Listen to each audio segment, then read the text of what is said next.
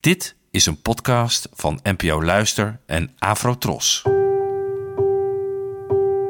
Poëzie vandaag.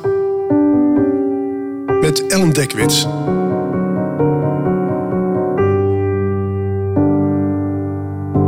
Hallo, fijn dat je luistert.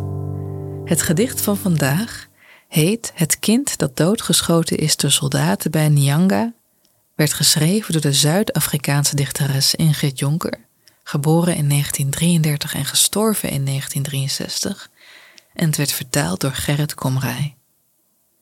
Het kind dat is doodgeschoten door soldaten bij Nyanga. Het kind is niet dood. Het kind heft zijn vuist naar zijn moeder, die Afrika schreeuwt. De geur schreeuwt van vrijheid en heide in de townships van het omsingelde hart. Het kind heft zijn vuist op naar zijn vader, in de optocht van de generaties die Afrika schreeuwen, de geur schreeuwen van gerechtigheid en bloed, in de straten van zijn gewapende trots. Het kind is niet dood nog bij Langa, nog bij Nyanga, nog bij Orlando, nog bij Sharpeville, nog bij het politiebureau van Philippi, waar het ligt met een kogel door zijn hoofd. Het kind is de schaduw van de soldaten. Op wacht met geweren, panzerwagens en knuppels. Het kind is aanwezig bij alle vergaderingen en wetgevingen. Het kind loert door de vensters van huizen en in de harten van moeders. Het kind dat alleen maar wilde spelen in de zon bij Nyanga is overal. Het kind dat een man is geworden trekt door heel Afrika. Het kind dat een reus is geworden trekt door de hele wereld zonder pas. Dit is een van de beroemdste gedichten van Zuid-Afrika. Nelson Mandela droeg het voor tijdens de eerste zitting van zijn parlement in 1994. En het gaat over de gebeurtenissen in 1960.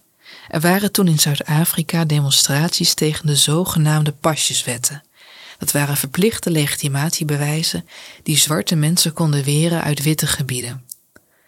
De politie schoot bij een van de demonstraties op de protesteerders, waarbij ook kinderen werden vermoord. Ingrid Jonker zag op een politiebureau het lijkje van een jongetje dat in de township Nyanga in de armen van zijn moeder was doodgeschoten. En naar aanleiding hiervan schreef ze dit gedicht, waarin ze de doden weer tot leven wekt.